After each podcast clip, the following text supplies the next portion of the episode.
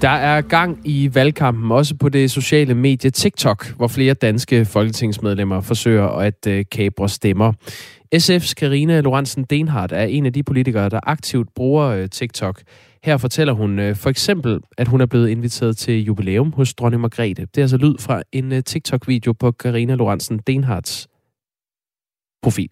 For ikke så lang tid siden fik jeg en invitation til dronningens 50-års regentjubilæum. Sådan en fest holdes på Christiansborg Slot, og damerne skal have galakjole på, mens mændene skal være i kjoler hvidt. Og da man helst ikke skal have den samme kjole på to gange, så har jeg måttet købe en ny kjole. Se her. Salen er dog genbrug. Nu er jeg klar til fest.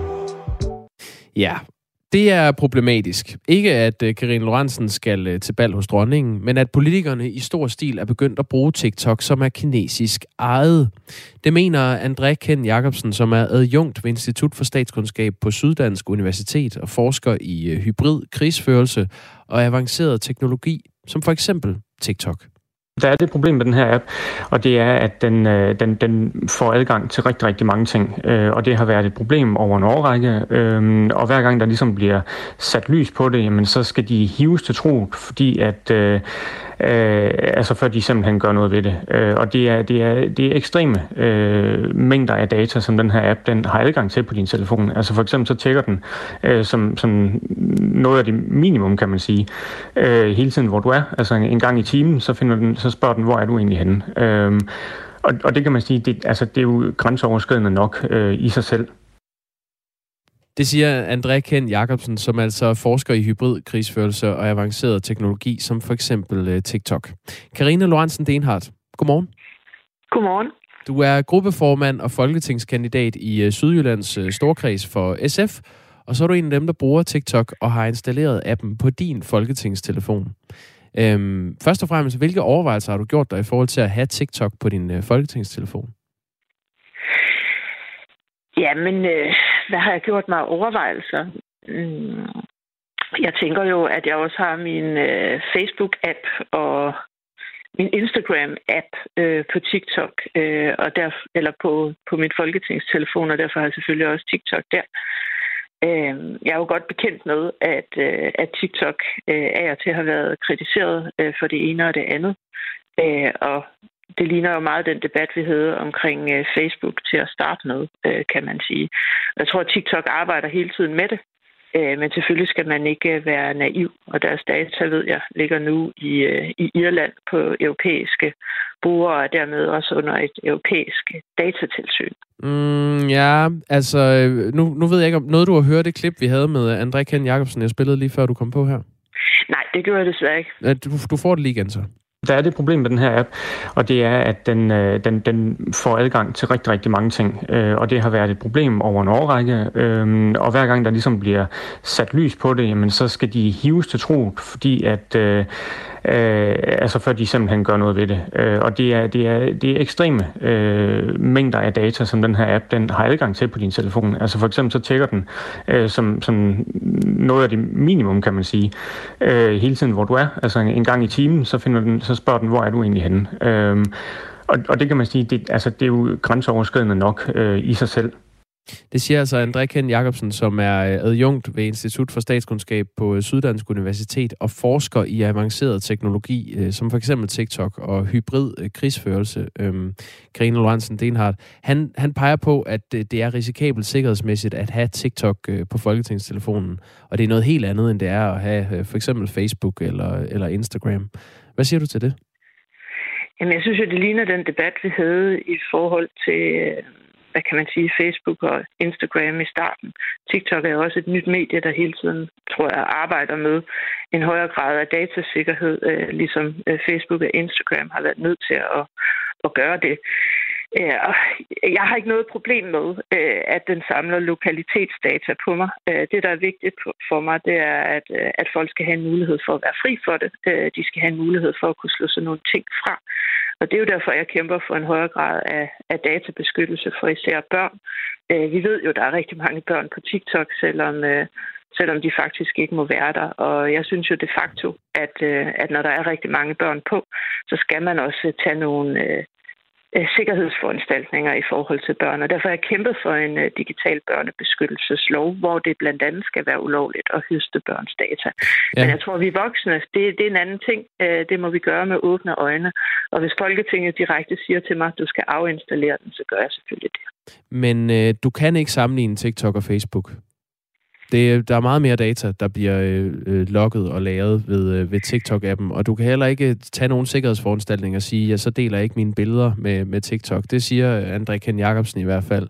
Øh, han, han mener, det er, det, det er decideret risikabelt, og han vil ikke anbefale danske politikere at have TikTok på, øh, på arbejdstelefonen. Gør det indtryk på dig? Jamen selvfølgelig gør det indtryk på mig. Øh, jeg tror bare, jeg er nødt til at have det begrundet meget mere. Altså jeg ved jo godt, der bliver samlet data. Det gør der alle mulige steder. Ved hvor du også, hvor meget data, der bliver samlet? Nej, det har jeg ikke nogen idé om, men øh, jeg tror ikke, at øh, der er så meget, der er interessant for mig øh, for, for TikTok i forhold til min færden på TikTok. Jeg har ikke noget problem med, at de samler data på for eksempel, hvad jeg ser på TikTok. Det er bare men det er ikke, synes, undskyld, jeg afbryder dig. Det er, at man kan blive fri for det. Ja, undskyld, jeg afbryder dig, Karina Lorentzen Denhardt, men det, det er ikke bare din færden på TikTok, TikTok lager. Den lager alt, hvad der foregår på din telefon. Altså, hvis det er korrekt, øh, så tænker jeg jo, at, folk, at det sætter sagen i et nyt lys. Øh, og så synes jeg jo egentlig, at Folketinget skulle undersøge nøjere øh, de her påstande og finde ud af, om det faktisk er noget, vi overhovedet bør have på vores telefoner. Men, men er du bekymret over det med, at, at TikTok for eksempel finder ud af, hvor du er en gang i timen, og at den data kan blive overleveret til den kinesiske efterretningstjeneste for godt befindende? Altså det har jeg umiddelbart ikke noget stort problem med, for jeg tror ikke, jeg bevæger mig øh, særlig interessante steder. Det, som er afgørende for mig, er, at øh, man kan blive fri for det. Øh, fordi det kan der være andre, der ikke har lyst til, øh, at der er nogen, der ved. Øh, og derfor så, øh, så arbejder jeg jo hele tiden for øh, bedre øh, databeskyttelse. Øh, og jeg tror, det er sådan, at man bliver nødt til at angribe mange af de her ting. Jeg tror ikke, det bliver den sidste debat, vi har om databeskyttelse og apps. Øh, Øhm, jeg har for eksempel kæmpet for, at vi får en digital børnebeskyttelseslov, fordi jeg synes faktisk ikke, at man skal have lov til at samle børns data øh, og bruge dem kommercielt imod dem. Det er noget andet, når man er, er voksen. Øh, så, så har man selvfølgelig en mulighed for selv at sige til og fra, og man har også en helt anden kritisk sans til at, at kunne vurdere, om det, man bliver udsat for, øh, er, er for eksempel en reklame. Eksperten, jeg har refereret til et par gange, André Ken Jacobsen, øh, ville aldrig nogensinde selv have TikTok på sin telefon. Øh, han er simpelthen for bekymret over de perspektiver, der er i, hvor meget data, der bliver indsamlet og delt med øh, blandt andet det kinesiske styre, hvis, øh, hvis styret ønsker det. Bare lige her til sidst, hvorfor bruger du ikke bare øh, TikTok-appen på din private telefon? Jeg har simpelthen slet ikke en privat telefon, fordi det kan jeg slet ikke øh, styre øh, med al den, øh, hvad kan man sige, trafik, der er på min folketingstelefon. Så tror jeg, at øh, med al respekt for det, så vil jeg så ville jeg slet ikke kunne håndtere øh, at have to telefoner. Så da jeg kom i Folketinget, der nedlagde jeg min private. Så du fortsætter med at have TikTok på din øh, folketingstelefon? Umiddelbart så fortsætter jeg med det, indtil jeg får anden besked af Folketinget. Jeg ved, de vurderer jo hele tiden på øh, forskellige risici øh, og sender sikkerhedsmeddelelser ud og så videre. Så hvis de siger til, til mig, at øh, det skal jeg ikke have, så øh, respekterer jeg selvfølgelig det. Øh, Janne Jørgensen har øh, sagt, altså din kollega fra Venstre har sagt i øh, vores øh, debatprogram Det Blå Hjørne, at, øh, at de har fået at vide i Venstres øh, folketingsgruppe, at øh, de ikke må have TikTok på deres øh, folketingstelefon. Er det noget, du har hørt? Det er i hvert fald ikke noget, jeg kan genkalde mig, øh, at jeg har hørt. Øh, jeg er sikker på, at jeg vil have blivet mærke i det, hvis øh, jeg hørte det, fordi at øh, jeg jo som, som sagt er på TikTok.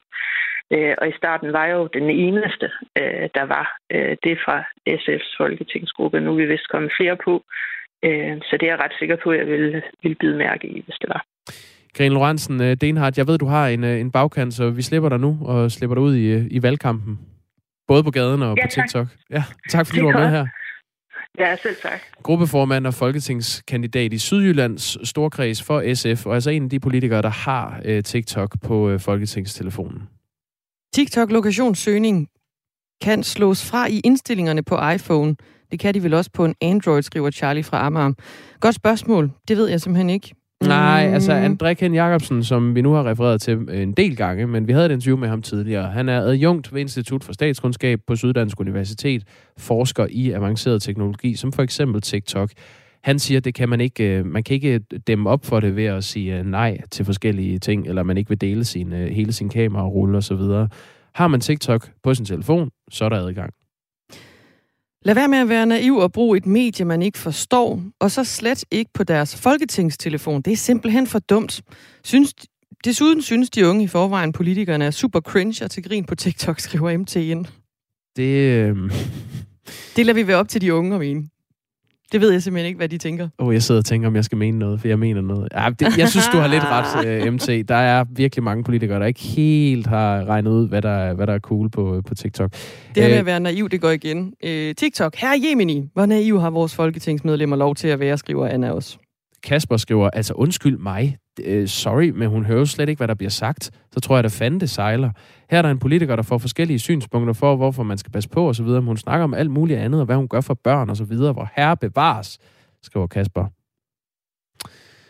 Øhm, ja. Det var sms'er på øh, nummer 1424, der rammer vores indbakke herinde i Radio 4 Morgenstudie, som i dag er beværtet af Jakob Grosen og Dagmar Iben Østergaard. Der er erklæret undtagelsestilstand i de øh, russisk annekterede ukrainske områder. Det er dem, der hedder Luhansk, Donetsk, Kherson og Zaporizhia. Og det giver Rusland nogle øh, militære muligheder i områderne, fortæller Flemming Splidsbol, der er seniorforsker i global sikkerhed og verdenssyn. De kan øh, konfiskere ejendom, øh, det kan være øh, fast ejendom, det kan være øh, transportmidler. De kan uddelegere folk til at lave arbejde, som har en øh, forsvarsmæssig øh, betydning. Øh, de kan nægte indrejse, der er øh, indført øh, militær censur. Øh, det er forbudt at strejke, det er forbudt at gå i demonstrationer. Der er en række tiltag her, som øh, giver mulighederne for myndighederne at styre øh, regionerne, at tage ressourcer fra regionerne, men selvfølgelig også begrænse de de rettigheder, som, øh, som folk ellers normalt vil have selv i øh, autoritær Rusland, øh, er det jo begrænset i forvejen, men nu er det altså endnu mere begrænset. Flemming Splidsbol mener, at vi skal se det som et eksempel på, at Rusland og Putin er presset i krigen. Nu har han altså så forsøgt med den her militære undtagelsestilstand, og den strækker sig jo så i en mildere form, skal vi sige, men i en mildere form jo altså ind i i, i en række, lang række af de her naboregioner, der er i Rusland, helt frem til Moskva faktisk. Øh, så, så et forsøg på at, øh, at dæmme op for den ukrainske modstand, øh, at forsøge at holde fast i de her regioner, og måske også et forsøg på at holde fast i den russiske befolkning, så en del af den modstand, der måske er mod krigen, den ikke kommer til udtryk på forskellige måder. Men det er lidt svært at sige helt konkret, hvad det er for en hverdag, som indbyggerne kommer til at opleve i områderne, hvor der er erklæret undtagelsestilstand. Men nogle ting, dem ved vi dog på forhånd. Det betyder for eksempel, at der er udgangsforbud. Altså der vil være øh, nogle særlige øh, særlige tidsrum, hvor man skal være inde. Man må ikke gå ud på gaden, medmindre man har en særlig tilladelse. Man kan blive stoppet. Der vil være øh, checkpoints rundt omkring. Mange flere, end der er nu.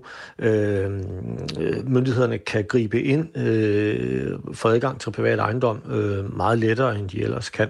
Og så kan man i øh, vist tilfælde øh, tvangsforflytte øh, befolkningen. Man simpelthen beordrer dem væk, øh, sætte dem på tog og køre dem væk fra øh, de her områder, som er underlagt den militære undtagelsestilstand. Men vi må vente med at se, når det træder i kraft, og så se, hvordan det faktisk bliver implementeret, og hvilke konsekvenser det vil få. Men det er meget vidtrækkende, og det er meget drastisk i, i princippet i hvert fald. Det siger øh, Flemming Splidsbol, der er seniorforsker i global sikkerhed og verdenssyn på øh, øh DIS, det internationale institut for, nej, DIS. Dansk Institut for ja. Internationale Studier. tak, der var den. Jesus. Øh, og det er altså ovenpå, at der er erklæret øh, sundhedsundtagelsestilstand i de øh, russisk annekterede øh, ukrainske områder. Det er de fire områder, der hedder Luhansk, Donetsk, Kherson og Zaporizhia. Og nu skal vi ombord i en øh, overordentlig regning, må man sige. Det er en elregning på øh, 50.220 kroner, og så lige 6 øre oveni. Det er elregningen for øh, min købmand i Vestervig i Sydty for september måned. Rose Borchert, godmorgen. Godmorgen. Det er dig, der driver øh, købmanden i Vestervig. Det har du gjort i 26 år, så det er også øh, din elregning, jeg sidder med her. Hvad vil du sige til sådan en elregning? Det er sådan for stor. Hvad altså, plejer du at betale?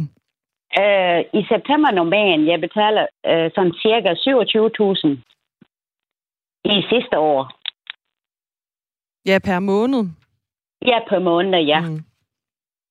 Så det her det er en fordobling, men jeg ved også, at i august, der var din regning helt op på 99.352 kroner og 47 øre. Ja, det er rent 100.000, ja, cirka. Ja. ja. Hvad har du gjort på fra august til september, siden den så der også er halveret? Øh, det har jeg gjort mange forskellige ting. Jeg har øh, lukket sådan store fryserhuse, og jeg har solgt ej det der forsvarer ud til 50 procent.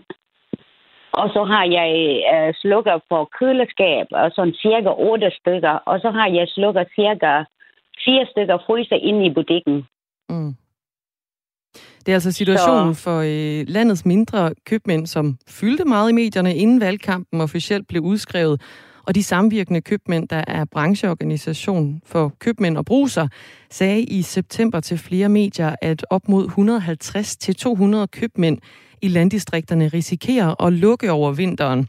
Radio 4 Morgen har I ringet til en lang række lokale købmænd for at høre, hvordan det står til i deres butik i dag oven på de store regninger. Og her til morgen, der taler vi med tre af dem. Rose Borchardt, du er en af dem, og du øh, fortæller også, at du allerede helt officielt har opsagt din aftale med dagligvarekoncernen Dagrofa. Opsigelsen, den løber i et halvt år, men du fortæller også, ja. at du holder åbent, så længe du kan betale regningerne. Øh, hvad, hvad vil det sige, det her med, at du har opsagt din øh, aftale med Dagrofa? Det har jeg lige fået øh, medvidelse fra Dagrofa i går, at øh, den opsagelse, den er løbende i marts måned. Så det vil sige, at jeg har sagt den op den øh, i, øh, i oktober, nej, oktober, ja, oktober måned. Så det vil sige seks måneder sådan cirka. Har du tilbage med varer på hylderne? Ja, jeg har masser af varer på hylderne. Det er den eneste, som jeg har ikke så ret meget forskellige slag, eller ret, mange, ret mange forskellige slag, det er forsvar. På grund af, at øh, jeg mangler fryser. Mm. Den øh, kommende vinter her, hvordan forventer du, den kommer til at gå? det, øh, det er også så lidt, lidt svært, fordi den her i Vestervig omregner, det er som mest turistområde. Fordi vi har ikke som store øh, øh, lokaler her i, i Vestervig. Så det, det er også lige lidt spændende på, på, at jeg kan klare det. Så må vi lige se. Jeg sparer alt, hvad jeg kan. Ja, du har jo sådan set allerede halveret øh, din elregning fra i knap 100.000 til, øh, til 50.000. Ja, det har jeg, men jeg kan ikke gøre mere. Og så sådan, øh, den eneste, som vi kan gøre, at øh, vi mindre vores personale, men så det vil sige, at man skal også så selv arbejde så meget overhovedet man kan. Mm. Så man kan overleve her i, i ude på landsbyen, som vi har her, fordi det er ikke så langt væk fra discountbutik, ikke? Rose Borchardt, har du fået øh, hjælp fra nogle i lokalsamfundet til at øh, holde butikken kørende? Øh, den eneste, vi får hjælp lige nu, som de støtter så, så meget overhovedet vi kan, altså den her, altså, det bakker det op mere end det, som jeg kan godt se i vores omsætning øh, inde i lokaler. De har bakket den handler lidt mere op. Jeg, kan ikke, jeg har ikke gjort noget andet mere. Altså, jeg vil bare fortælle ej, hvor, vores kunder, hvor vigtigt man har butik her i, ude på landet, ikke? Og fordi der er mange ældre mennesker, som, som det, det, det er også lidt svært, hvis, hvis jeg lukker. Jeg har også tænkt meget, meget på dem, at uh, også til mig selv på den tidspunkt, når jeg bliver ældre, det bliver også lidt svært for mig, at jeg skal have køer og købe lidt mælk i, i andre by. Det er da også sådan cirka Ja, så det risikerer kilometer. at gå ud over ja. landsbysamfundet, fordi der ja, kommer til at være langt det. til en, en købmand, hvis du lukker ned. Øhm, ja. Kort her til sidst, Rose Borchardt, købmand i, uh, min købmand i Vestervig. Øhm, mener du, politikerne de burde hjælpe de lokale købmænd nu? Ja, det burde der gøre noget for det, fordi de har ringet op til mig øh, erhvervsminister, det har ringet op, men de har, det har ikke Du har fået opkald fra erhvervsministeren? Ja, det har jeg den 13. af sidste måned. Okay. Og efter jeg har været i fjernsyn, og så har han ringet op til mig, han siger, at uh, jeg skal ikke lukke butik endnu. Og han kommer, men det er ikke dukket op endnu. Jeg vil også bare høre, hvad kan han hjælpe, eller hvad kan de hjælpe? Fordi jeg har også ringet rundt, øh, også til der går for ej, de der ting, de er også interesseret at komme og høre med.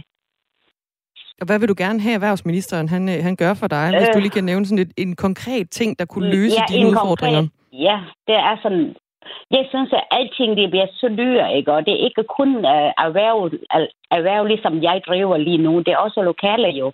Fordi hvis det har gjort en, så det bliver der også gå ud over det andre, som det har hjulpet. Ikke? Og alting det bliver også dyre, også varerne, det bliver også stige med prisen og så videre. Når, når, når forbruget det bliver dyrere, og så alting det bliver også stige. Jeg ved ikke, hvad kan det hjælpe? Altså, jeg vil også så gerne bare vide, hvad kan det hjælpe? Men du afventer altså stadigvæk øh, et besøg fra øh, erhvervsminister Simon Kollerup. Øh, Rose Borchardt, du skal have tak, fordi du var med her til morgen. Jeg siger mange tak. Købmand i Min Købmand i Vestervig. Og vi taler videre med nogle af de lokale købmænd rundt om i Danmark, for vi skal også tale med Sanda Palea, der er købmand i Letskøb i Tise, efter i butikken fik en elregning på 64.000 kroner. Så besluttede hun sig for at holde lukket midt på dagen for at spare lønkroner og strøm, øh, men lokalsamfundet kom hende også til undsætning. Så satte jeg så et opslag på, på Facebook, og så gik der nogle få dage, så var vi nok til, at vi, øh, vi kunne være frivillige ved kassen i, øh, i de fem hverdage lyder det fra øh, en af de frivillige. Og vi taler altså med øh, købmand Sanda Palea klokken 19 minutter over 8.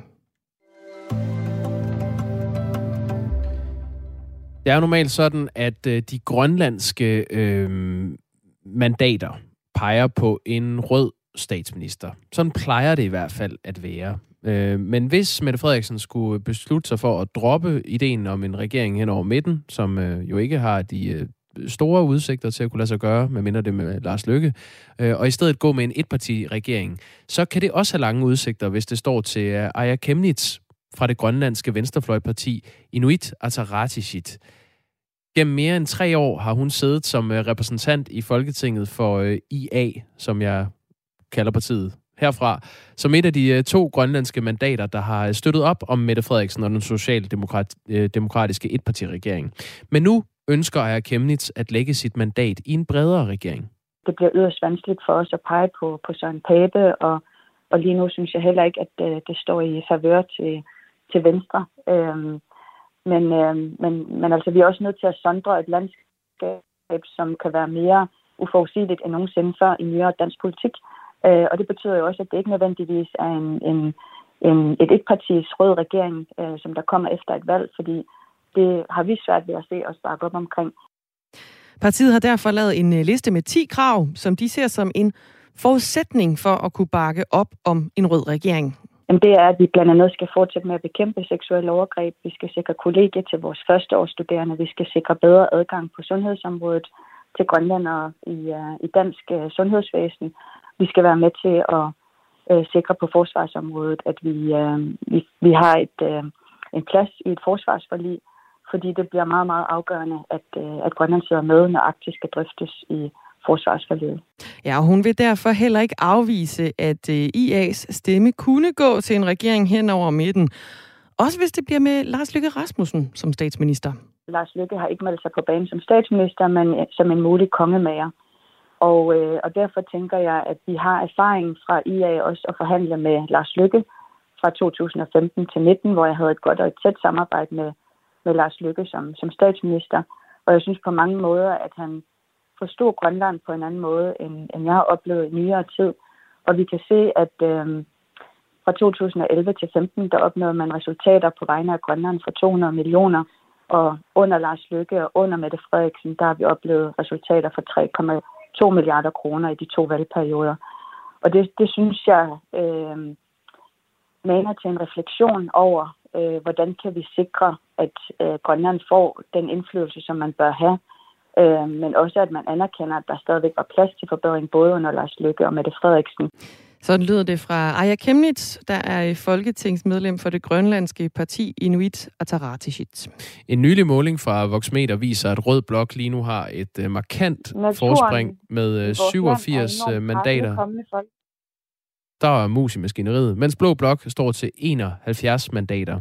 Men ingen af blokkene kan alene tælle til 90. Selv med Moderaternes mandater kan Blå Blok ikke mønstre et uh, flertal. Og det er altså derfor, at de fire nordatlantiske mandater, to fra Færøerne, to fra Grønland, ifølge den her måling kan få en afgørende betydning for valgets udfald. Så giver vi plads til nyhederne. Klokken er halv otte.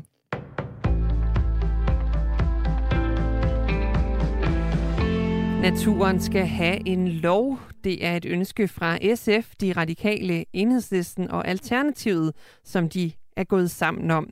Og ønsket er helt afgørende for partiernes opbakning til en ny regering, lyder det i en fælles pressemeddelelse fra partierne. Enhedslisten vil give naturen langt mere plads, og politisk ordfører Maja Villassen kalder det også for en klar betingelse, at Socialdemokratiet forpligter sig til en lov om naturen. Naturen i vores land er enormt presset. Danmark har en bundskrabet position i EU, øh, når det gælder beskyttelsen af vores natur, og derfor så skal vi øh, tage det ansvar alvorligt, vi har som politikere, og sikre, at naturens magi også bliver givet videre til vores, øh, vores kommende generationer. Det er derfor, vi øh, vil forpligte en, en kommende regering, faktisk alle kommende folketing, på at beskytte naturen bedre. Information talte tilbage i 2020 med Miljøminister Lea Wermelin, der kaldte en eventuel naturlov for en spændende tanke, men ministeren ville på det tidspunkt ikke love noget.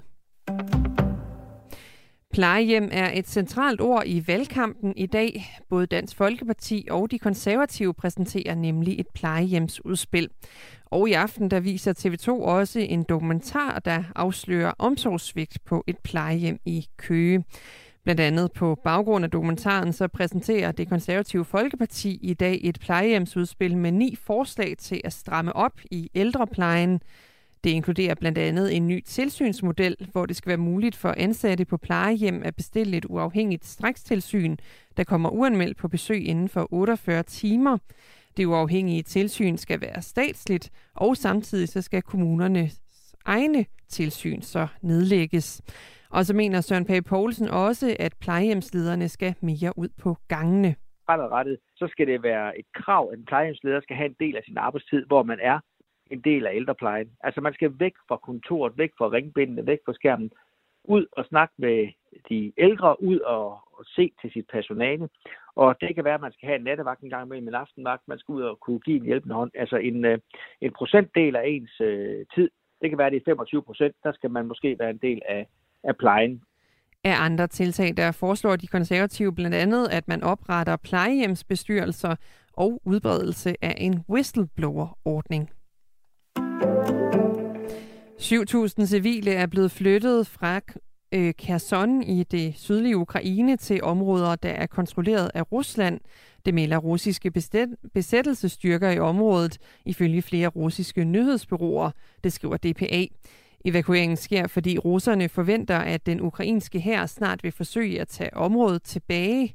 Meldingerne om antallet af evakuerede er ikke uafhængigt bekræftet. Det europæiske lægemiddelagentur EMA anbefaler nu at bruge to forskellige coronavacciner til børn, der er ned til 6 måneder gamle, det oplyser agenturet. EMA anbefaler, at børn mellem 6 måneder og 4 år kan blive vaccineret med vaccinen fra Pfizer-BioNTech. Børn mellem 6 måneder og 5 år kan blive vaccineret med vaccinen fra Moderna, lyder det. Det bliver tørt med nogen eller en del til dels sløret sol. Temperaturer mellem 9 og 12 grader, og så kommer der en let til frisk vind fra sydøst. Ved kysterne der kommer der stedvis op til hård vind. Det er nyhederne her på Radio 4. De er her til morgen med Anne Svifeldt.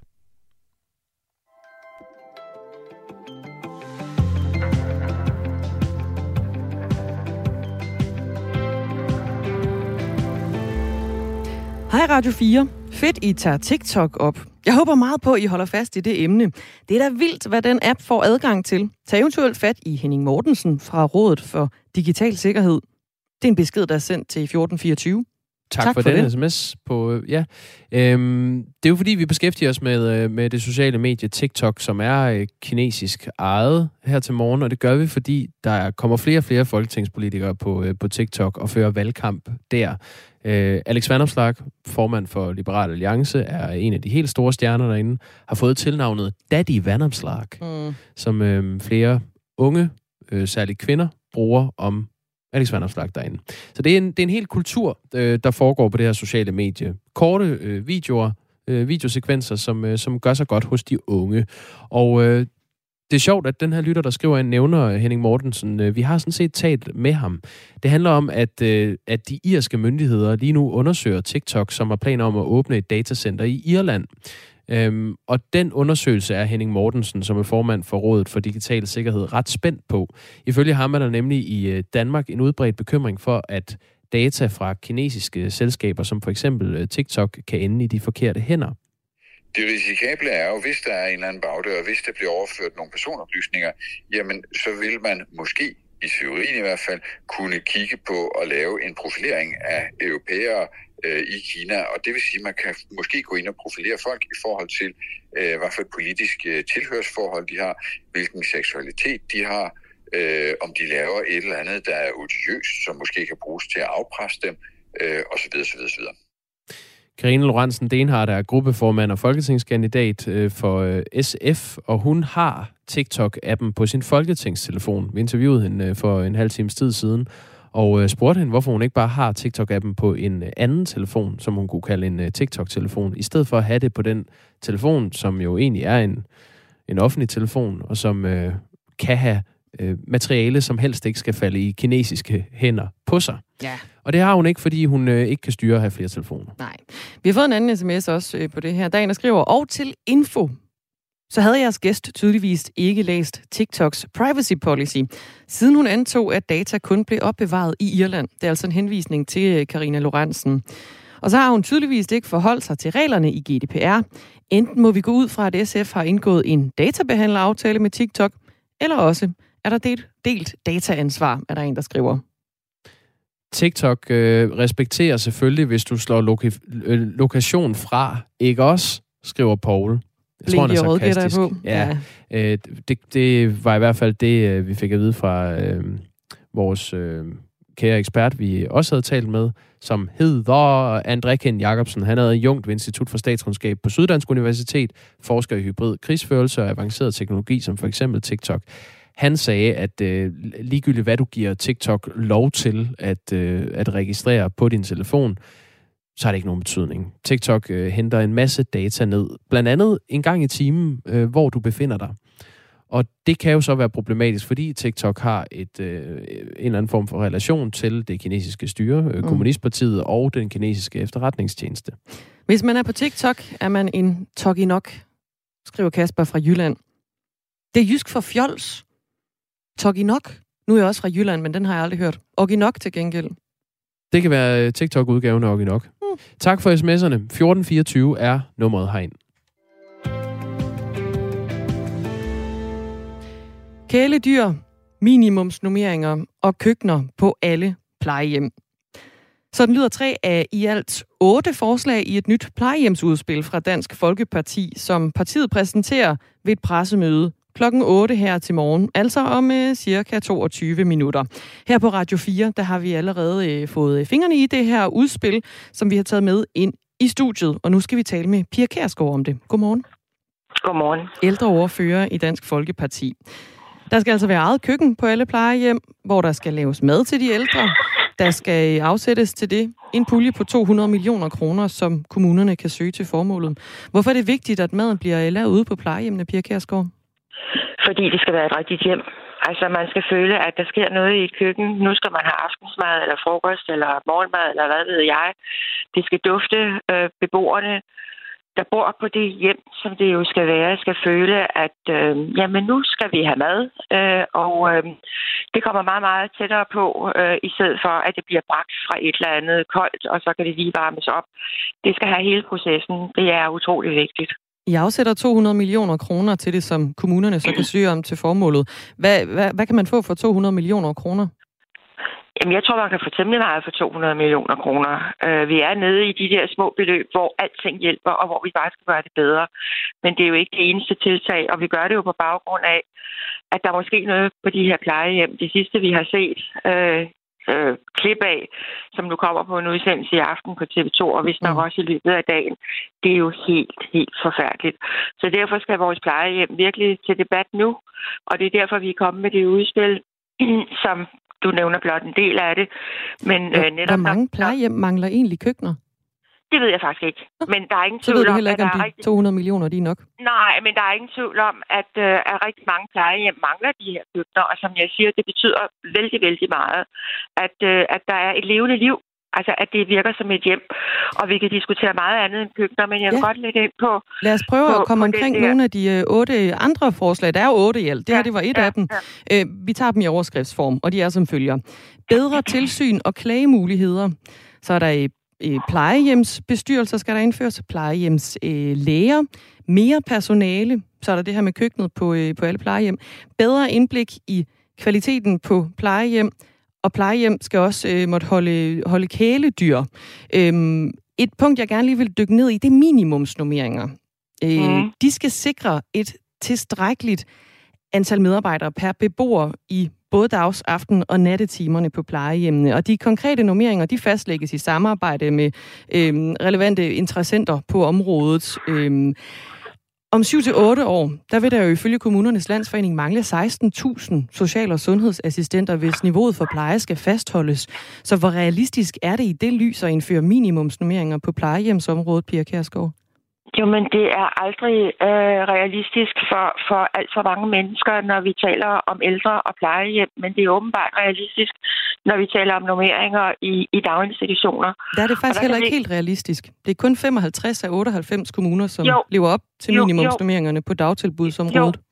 Jo, men det, øh, det kan vi da i hvert fald diskutere, og det synes alle er en rigtig god idé. Og jeg fornemmer bare, at hver evig eneste gang, man taler med de ældre, så er der sådan en uh, lidt, altså undskyld, sarkastisk uh, tone, når, når spørgsmålene bliver stillet. Og det synes jeg slet ikke er i orden. Om det er fordi, fordi, fordi, fordi, fordi vi diskuterer alt for lidt goder i forhold til de ældre. Jeg synes, det er fint, at vi gør det i forhold til børn og unge, naturligvis. Men så snart det drejer sig om de ældre, så er det ligesom om, det overhovedet ikke kan lade sig gøre, og selvfølgelig kan det lade sig gøre. Jeg vil godt dvæle lidt Må jeg ved, øh, lige ved, ved det med bestyrelserne på, dvæle, på plejehjemmene. Jeg, Pia Kjærsgaard, jeg vil hellere lige ja? dvæle ved, at det kun er 55 af 98 kommuner i Danmark, som lever op øh, til minimumsnormeringerne på dagtilbudsområdet. Så hvorfor regner I med, at det så kan lykkes på ældreområdet, når det jo ikke engang er øh, lykkedes helt på dagtilbudsområdet? Fordi vi skal jo begynde et eller andet sted. Altså, det er jo nøjagtigt det samme, som man har gjort for et par år siden, da, da, da, det, kom, da det kom på tale, at det skulle være inden for, for børneområdet. Altså, nøjagtigt, gør vi, nøjagtigt det samme gør vi på ældreområdet. Altså, vi skal begynde et sted, vi skal have talt det her op, vi skal have gjort noget ved det. Og så tror jeg langsomt, det kommer i gang. Og jeg synes egentlig, at, øh, at det der med at måtte have kæledyr på, et, altså en hund for eksempel på et plejehjem, det er der en meget, meget charmerende tanke, som jeg tror virkelig kan hjælpe de ældre, og det er jo det, det handler om. Sætter Men I et det, slutmål for, hvornår I gerne vil have minimumsnummeringer i, øh, på plejehjemmene? Nej, men lad os, da komme i, lad os da komme i gang med det. Øh, lad os få de andre politikere med på tanken. Der er ikke nogen af dem, der har nævnt det, hvor imod rigtig mange partier har stået på nakken af hinanden for at få det gjort i forhold til, til, øh, til daginstitutioner. Så synes jeg, at vi skal, vi skal begynde at tale om det her i forhold til de ældre. Det er der ikke ret mange andre politiske partier, der har taget på dagsordenen. Og det er jo alt sammen på baggrund af, at øh, der nu igen er en, øh, en, en, en meget, meget forfærdelig historie i forhold til, hvordan vores ældre i øvrigt nogle steder bliver behandlet på plejehjem, og det er jo helt uantageligt. Så mm. lad os få gang i debatten, hvordan vi gør det bedre og mere sikre og trygt i forhold til de ældre. Og nu starter vi den jo i hvert fald øh, her med dig og det her nye udspil, som I kommer med i dag, Pia Kærsgaard, øh, ældreoverfører for Dansk Folkeparti. Det er den her nye tv-dokumentar, du også henviser til, som øh, ifølge eksperter afslører omsorgsvigt på øh, plejehjemmet Nørremarken i Køge. Det er en øh, TV2-dokumentar, og TV2.dk beretter så om øh, dokumentaren forud for, at den bliver sendt i aften. Øh, der er altså igen historier, kan man sige, om at de ansatte, de ikke er gode nok på, på plejehjemmene. Hvordan vil I gøre det bedre? Der skal være mange flere tilsyn. Øh, altså uanmeldte tilsyn på de plejehjem. det skal være personale, der har det moralske kompas i orden, for at sige det lige ud, fordi det har man altså ikke haft på det her plejehjem, ud fra de optagelser, som har været. Det har været en ganske, ganske forfærdelig opførsel, man har udvist over for de ældre. Og så synes jeg, at det vil være en rigtig god idé, at vi på plejehjem indfører bestyrelser, hvor også borgere fra, altså beboerne fra plejehjem, plus deres pårørende, er en del af det. Altså fuldstændig som man har en skolebestyrelse, hvor forældrene øh, er en del af det, så synes jeg, man også på plejehjem skal have bestyrelser, hvor øh, øh, pårørende, altså beboernes øh, børn eksempelvis, kan være en del af bestyrelserne. Sådan så man lever med, så man ved, hvad der foregår på det plejehjem. Man er meget mere en aktiv en del af det, end det er i dag. Men det er langt fra øh, første gang jo, hvis vi vender tilbage til TV2-dokumentaren, der bliver vist i aften. Det er jo langt fra første gang, øh, at dårlige forhold på plejehjem, de, øh, de dokumenteres. Der har jo også været hele Else-sagen fra for to år siden, øh, som også dokumenterede dårlige forhold. Øh, hvorfor er der ikke øh, gjort mere fra jeres hånd siden da? Det er jo to år siden med Else-sagen. Ja, det er fuldstændig rigtigt, og det er forfærdeligt, at vi skal opleve det igen. Og måske har det endda været på, på, flere, på, på flere plejehjem, uden at der har været opmærksomhed omkring det. Det, det ved vi jo heller ikke noget om. Øh, nu der har været opmærksomhed omkring det her, fordi der er blevet vist optagelser, altså hemmelige optagelser. Det var nøjagtigt det samme som med Else-sagen. Men det, jeg også synes er grotesk, det er jo, at borgmesteren i Køge, øh, Marie Stærke, har fået det her at vide for et år siden, og der er intet gjort intet, absolut intet. Så der er nogen, der har et meget, meget, meget stort ansvar for det her. Og det må jo først og fremmest være borgmesteren, men også ledelsen. Men der er vel også noget ansvar på Christiansborg? Der er masser af ansvar, fordi vi skal give meget mere øh, ud til kommunerne øh, i forhold til økonomi, eksempelvis. Ja. Lad os men tale om økonomien. Jo, men det er jeres, jo ikke alene det. Øh, jeres udspil det, kommer det, til at koste 4 milliarder kroner. Hvor kommer ja. de penge fra? De kommer fra skatte, skatteyderne, og det øh, er jeg ikke i tvivl om, at det vil skatteyderne rigtig gerne. Så højere der er skatter? Penge, nej, der er penge, der kan spares i det her samfund. Eksempelvis taler vi rigtig meget om jobcentrene, hvor der bliver brugt forkerte penge, hvor der kan spares penge. Og jeg vil da også vende tilbage til, at vi konstant fra Folketingets side privilegerer øh, udlændinge i det danske samfund, men ikke de ældre. Så vi kan godt finde de penge, det er jeg ikke et øjeblik i tvivl om. Pia Kærsgaard, kan du godt finde 4 milliarder kroner på jobcentrene? Nej, det kan jeg ikke, men det er også det, jeg siger, at øh, for eksempel udlændingesituationen øh, er stadigvæk en meget, meget dyr affære, og hvor vi også godt kan gå ind og finde penge. Og det plejer der nu ikke at være problemer med på Christiansborg, hver gang vi skal for eksempel hvor på, give 2.000. Hvor på udlændingeområdet kan du finde hver... penge? Undskyld, jeg, jeg stikker ind her. Jamen, vi skal hver... også til at runde af. Det skal vi, men hver, for eksempel så giver vi øh, gladeligt, ikke fra vores side, men det gør de andre partier, 2.000 øh, ekstra til børnefamilier, udlændingebørnefamilier hver evig eneste måned. Altså, de penge kan man finde sådan Hvad lige kan det blive til, hvis det man lægger dem sammen? Det kan blive til rigtig mange penge. Det tror jeg næppe, man kan være i tvivl om. Nej, det mm, har jeg mm. ikke. Men, nej, men, men, men igen, så synes jeg, det er lidt trist, at man skal have den der, øh, synes jeg, lidt... Øh, lidt skeptiske tone, det kan nok overhovedet ikke lade sig gøre, når det gælder vores ældre og svage medborgere. Men det kan sagtens lade sig gøre, når det gælder mange andre områder og i det her De samme samfund. spørgsmål bliver, bliver stillet, når der skal findes penge til andre områder, Pia Kærsgaard. Men, jo, jeg, vil, øh, jeg vil slippe dig nu, fordi øh, du har noget, der ligner 12 minutter til, du skal øh, præsentere det her, det her nye udspil. Ja, jeg er desværre ikke med til det. Det oh. er Morten Messersmith, der tager fat i. Ja, du følger garanteret med. Du skal i hvert fald have tak og god dag. Det er godt, tak. Farvel igen. Pia Kærsgaard, ældreordfører i øh, Dansk Folkeparti, som øh, ja, lige om lidt følger med i præsentationen af partiets nye plejehjemsudspil på et øh, pressemøde. Tina skriver på 1424. Jeg har arbejdet på et plejehjem med køkken, og beboerne elskede at være med til at lave mad. Det hjalp med at give lidt mere indhold i hverdagen. Det er trist, at ens farmor har lovet, at hun hopper i havnen, hvis hun en dag skal på plejehjem. Men jeg kan ærligt talt godt forstå hende. Det er uværdigt at spise de ældre af med fire nuancer af brun tre gange dagligt. Mm. En anden skriver, tilsyn gør ingen forskel. Uddannet personale er der en, der efterspørger her. Og det gør øh, Pia Kærsgaard jo sådan set også. Hun vil også gerne have uddannet personale med minimumsnormeringer på plejehjemmene. Men hun ser altså også gerne, at man skal lave flere af de her øh, tilsyn, som kommer uanmeldt. Portrætalbum. En gæst, et musikalbum og masser af gode historier. Jeg har ikke været til nogen fester, hvor at der ikke bliver spillet et nummer, der har været på en Absolute Music CD. Vært Anders Bøtter dykker ned i tiden, musikken og de minder, det sætter i gang hos gæsten. Hvorfor tror du lige, at det er The River, der har fulgt dig igennem livet? The River definerede mig som uh, ung mand. Lyt til Portrætalbum i morgen fra 17 til 19. Radio 4 taler med Danmark. Hvem kunne du tænke dig som statsminister i det her land?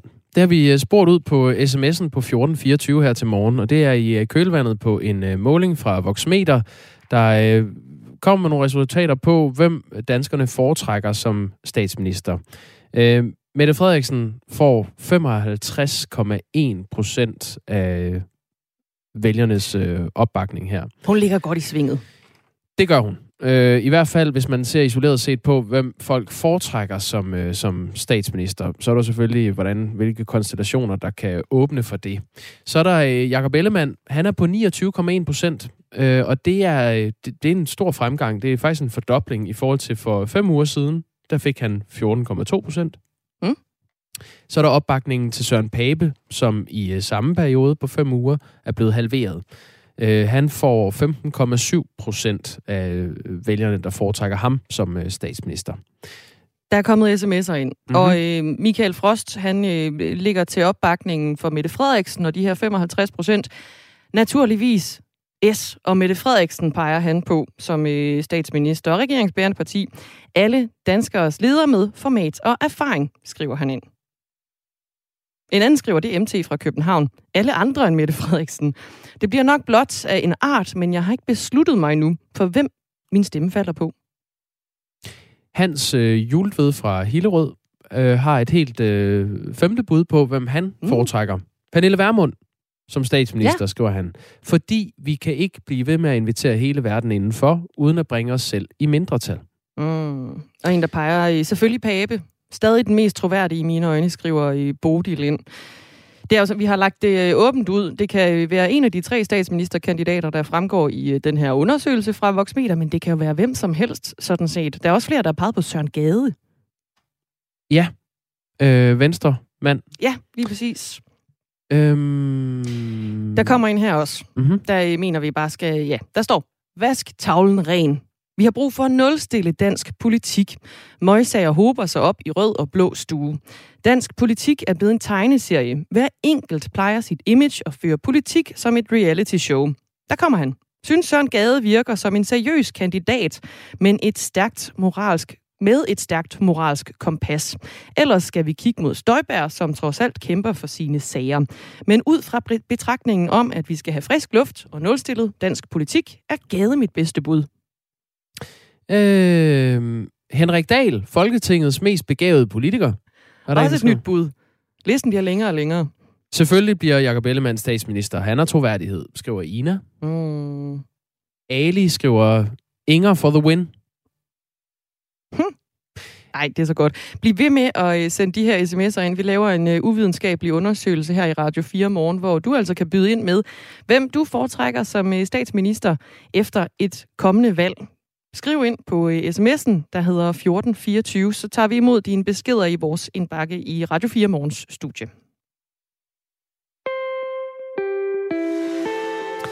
Den britiske premierminister Liz Truss har været øh, halvanden måned på posten, og hele det konservative parti er ved at falde fra hinanden. Da hun øh, indledte sin periode som øh, premierminister i kølvandet på Boris Johnson, som trak sig, havde hun forberedt skattelettelser som svar på den stigende inflation. Og det var et træk, som flere eksperter øh, frarådede hende at øh, tage. I 11. time aflyste hun så de skattelettelser og fyrede så i øvrigt sin finansminister. Der er godt gang i gaden øh, i Downing Street. I går skulle hun så afholde sin første spørgetime med parlamentet, siden den kovending, altså hvor hun aflyste de skattelettelser, hun havde øh, bebudet skulle komme. Men det var faktisk ikke det, som tog overskrifter. På kort efter spørgetimen annoncerede den britiske indrigsminister Suella Braverman, at hun ville øh, forlade sin post og plads i den konservative regering.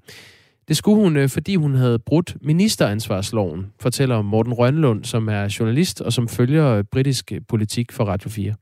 Suella Braverman, hun har sendt nogle øh, fortrolige oplysninger fra en privat telefon øh, på mail, og det må man ikke. Øh, og det er et brud på, øh, på øh, ministeransvarsloven, og derfor øh, er hun nødt til at trække sig. Det har hun så skrevet i sin, øh, sin fratrædelsesbrev til Liz Truss, at det var det, men det er også et brev, der indeholder en hel masse bekymringer og kritik af den siddende regering. Samtidig så er der udnævnt en ny indrigsminister allerede. Han har faktisk øh, for et øjeblik siden også talt til de britiske medier. Det er Grant Shapps, Øh, og hvad er der så specielt ved ham? Jo, øh, det var ham, der støttede den anden kandidat til formandsvalget, altså Rishi Sunak, som øh, Liz Truss stod over for, da der skulle vælges en ny formand for partiet. Så nu er det ligesom om, at fjenden er kommet lidt med ind i den her lidt rodede regering, der har haft masser af kaos på bagsmækken, og Grant Shapps er også en af dem, der er blevet udpeget som, som nogle af ballademagerne på bagrækkerne, nogle af dem, der har forsøgt at slippe af med Liz Truss. Så alle forsøger nu at gennemskue, hvad det er for et spil, der er i gang i den her øh, udskiftning af ministertaburetterne. Øh, øh Også selvom det egentlig ikke har direkte at gøre med økonomien, som ellers er det, der har øh, hængt tungt over Liz Truss de seneste par uger. Og med en øh, modstander af Liz Truss som øh, premierminister i øh, regeringen, så ser Truss' position som premierminister sårbar ud, fortæller journalist Morten Rønnelund. Det er svært at få øje på de der meget eksplicite støtter. Der er mange, der snakker om, at partiet skal finde sammen, og nu må partiet lade være med at rive sig selv i stykker, øh, og, og det vil være til skade for partiet. Men de der sådan meget eksplicite, nej, hvor er hun dygtig, og hun er bare den rigtige, dem er der altså meget langt imellem. Og når øh, den indrigsminister, Suella Braverman, der forlader posten nu, øh, skriver et så kritisk øh, fratrædelsesbrev, som hun har gjort, og i øvrigt får et meget, meget kort svar tilbage fra Liz Truss, så kan man godt mærke, at det gør altså ondt rundt omkring, og der er stadig streger og sprækker på tværs af det parti. Om det kan hjælpe noget, at hun har taget en fra fjendens lejr ind øh, og det måske kan give en eller anden ny dynamik, hvor man kan finde sammen, det er et, øh, et åbent spørgsmål. Det er svært at få øje på, at det for alvor skal tippe, fordi hun har mange andre problemer. Det konservative parti i Storbritannien står lige nu historisk dårligt i meningsmålingerne. De står til at blive øh, barberet ned til 22 mandater, og det er en nedgang på, øh, nu håber jeg, du sidder ned, 343 mandater. Derfor spår øh, Morten Rønnelund, altså journalist i øh, Storbritannien, som følger øh, britisk øh, politik for os her på Radio 4, at Liz Truss er færdig som premierminister inden for meget kort tid. Måske har hun købt sig noget tid ved at få Grant Chaps ind på den her øh, ministerpost, fordi han hører til decideret fra den anden lejr, var måske også en af, af hovedmagerne i det oprør, som ulmede på bagrækkerne i det konservative parti. Men de har svært ved for alvor at løfte den. De har svært ved, nogle af dem, at stille sig op og sige, nej, hvor er hun dygtig, og hun er bare den rigtige til at bringe os øh, frem i bussen og ind i en, øh, i en valgkamp. De er nødt til at skifte ud på den post, hvis de skal vinde et valg, og det ser rigtig sort ud for meningsmålingerne. De er, for at bruge et godt dansk udtryk, helt af helvede til historisk dårlige for de konservative lige nu. Så om det køber hende et par ekstra uger, øh, det er et åbent spørgsmål. Det sagde Morten Rønnelund, journalist, som følger britisk politik for os her på Radio 4. To og et halvt minut i otte er klokken. Og øh, nu er der et flertal i Folketinget øh, for, de er i hvert fald åbne for at undersøge sagen om Ahmed Samsam. Det er jo en øh, mand, som øh, ifølge flere danske medier er øh, dansk agent. Han har været øh, udsendt i øh, Syrien og skulle fungere som en øh, slags fremmedkriger, Øh, men han er til synligheden dansk agent, og han sidder altså fængslet lige nu herhjemme i Danmark. Ja, før vi går til det med flertallet, øh, som udspringer af et øh, lidt bizart pressemøde, der blev holdt på Kastellet i går. Det var pænt sagt. Så kan jeg lige øh, hurtigt opsummere øh, Ahmed Samsam. Han blev i 2017 i sommeren anholdt under en tur i Spanien. I 2018 blev han idømt 8 års fængsel i Spanien for at have kæmpet for islamisk stat i Syrien fra 2012 til 2014.